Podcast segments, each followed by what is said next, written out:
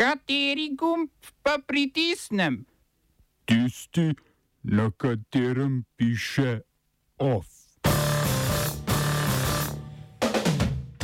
Neuspeli poskus atentata na haitijskega predsednika vlade Ariela Henrija.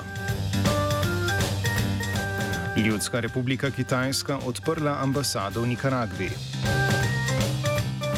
Kanada Iranu naložila plačilo 74 milijonov evrov odškodnine zaradi sestreljenega potniškega letala. Policijski sindikat Slovenije napovedal ovadbo Antona Olaja. V kulturnih novicah odpiramo črno skrinjico.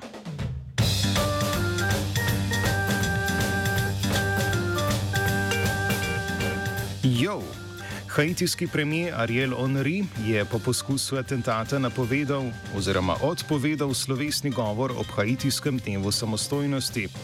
Mesto Gonajf, kjer je bila razglašena neodvisnost te karibske države, so v soboto zjutraj pretresli streli med varnostnimi silami in oboroženo skupino napadalcev. Poskus atentata, ki je v kolaterali terjal vsaj eno žrtev, so storilci izvedli v bližini mestne katedrale, v kateri se je premijer udeležil maše. Henri je premijski položaj prevzel 20. julija lani. Po atentatu predsednika države, Žovenela Moazeja, 7. julija v praksi upravlja tudi delo predsednika države, a na funkcijo ni bil zaprisežen.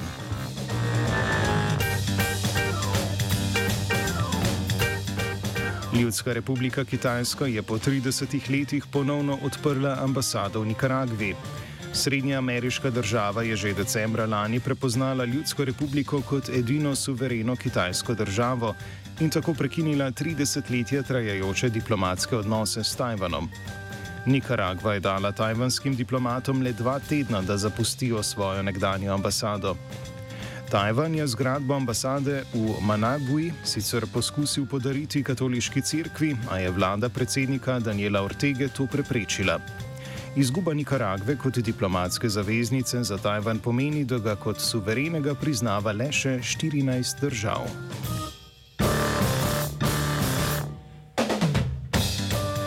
Koalicija malijskih opozicijskih strank, Narodni odbor za rešitev ljudstva, poznan pod kratico CNSP, je zavrnila načrt prehodne vojaške vlade, ki gospodarski skupnosti zahodnoafriških držav predlaga zamik predsedniških in parlamentarnih volitev v Maliju.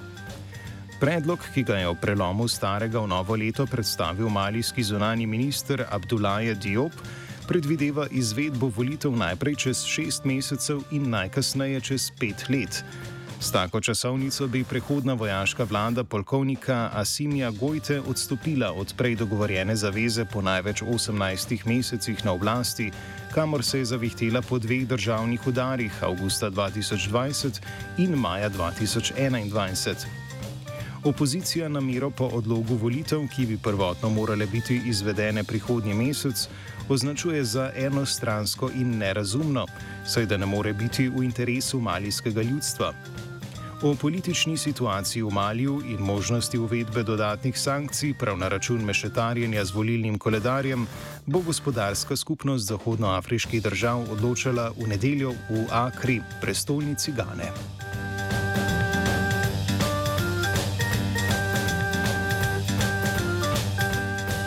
Kanadsko sodišče je prisodilo 74 milijonov evrov odškodnine družinam šestih žrtev sestreljenega ukrajinskega potniškega letala nad Iranom. Iranske oborožene sile so pred dvema letoma letalo Ukrainian International Airlines sestrelile k malu po vzletu z letališča v Teheranu. Iran je nesrečo, v kateri je umrlo vseh 176 potnikov, označil za rezultat človeške napake, saj je iranska revolucionarna garda letalo pomotoma prepoznala kot sovražno. Nesreča se je zgodila pet dni po ameriškem atentatu na iranskega generala, generala Kasema Sulejmanja v Iraku. Sodišče v Ontariju je incident označilo za teroristično dejanje.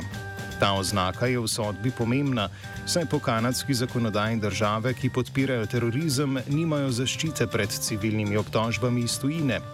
To pomeni, da mora obljubljeno odškodnino plačati iranska vlada.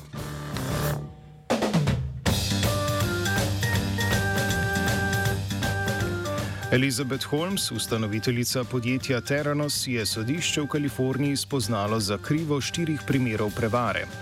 Od skupno 11 točk obtožnice je porota Holmes še štirih oprostila, glede ostalih treh pa se ni strinjala.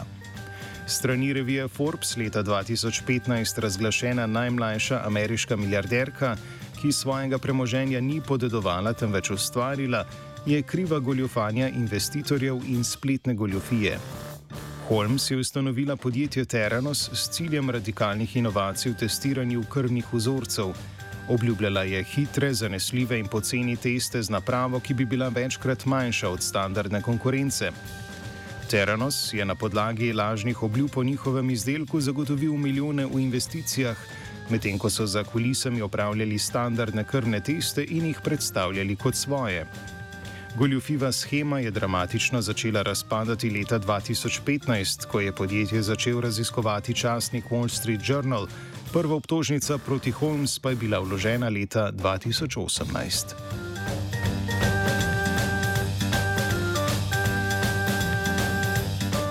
Izrael za istospolne pare umika prepoved starševstva za otroke, ki jih rodi nadomestna mater. Izraelsko vrhovno sodišče je julija 2021 dosodilo, da onemogočanje posluževanja nadomestnih mater za istospolne pare in samske moške krši pravice izraelskih državljanov. Sodišče je vladi dalo šest mesecev, da prepoved odpravi, kar je sedaj storila.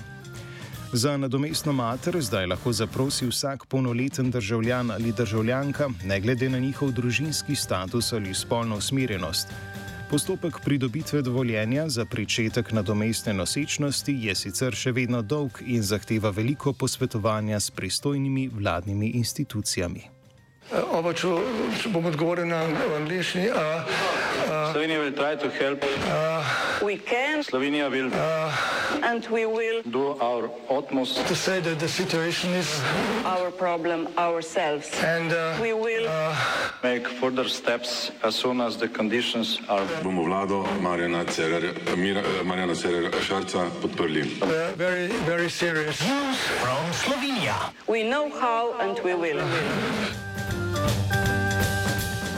Policijski sindikat Slovenije je napovedal kazensko ovadbo zoper generalnega direktorja policije Antona Olaja zaradi domnevnega kršenja sindikalnih pravic. Razlog za ovadbo je Olajeva odločitev, da sta oba policijska sindikata, torej tudi sindikat policistov Slovenije, kakršne koli dokumente, ki jih želite objaviti na digitalni oglasni deski policije, dolžna poslati službi generalnega direktorja generalne policijske uprave na preverbo. V sindikatu menijo, da bi to pomenilo cenzuro in poseganje v pravico do sodelovanja pri upravljanju. Svet sindikata je obsodil tudi opozorilo pred odpovedjo, ki ga je zaradi javnih izjav prejel predsednik sindikata Rok Cvetko. Cvetko je opozorilo prejel na podlagi njegove pogodbe z delodajalcem, kar je po mnenju sindikata sporno, saj naj bi njegove izjave v intervjuju za novice Svet 24 v vlogi predsednika odražale le mnenja sindikata, do katerih je pravno upravičen.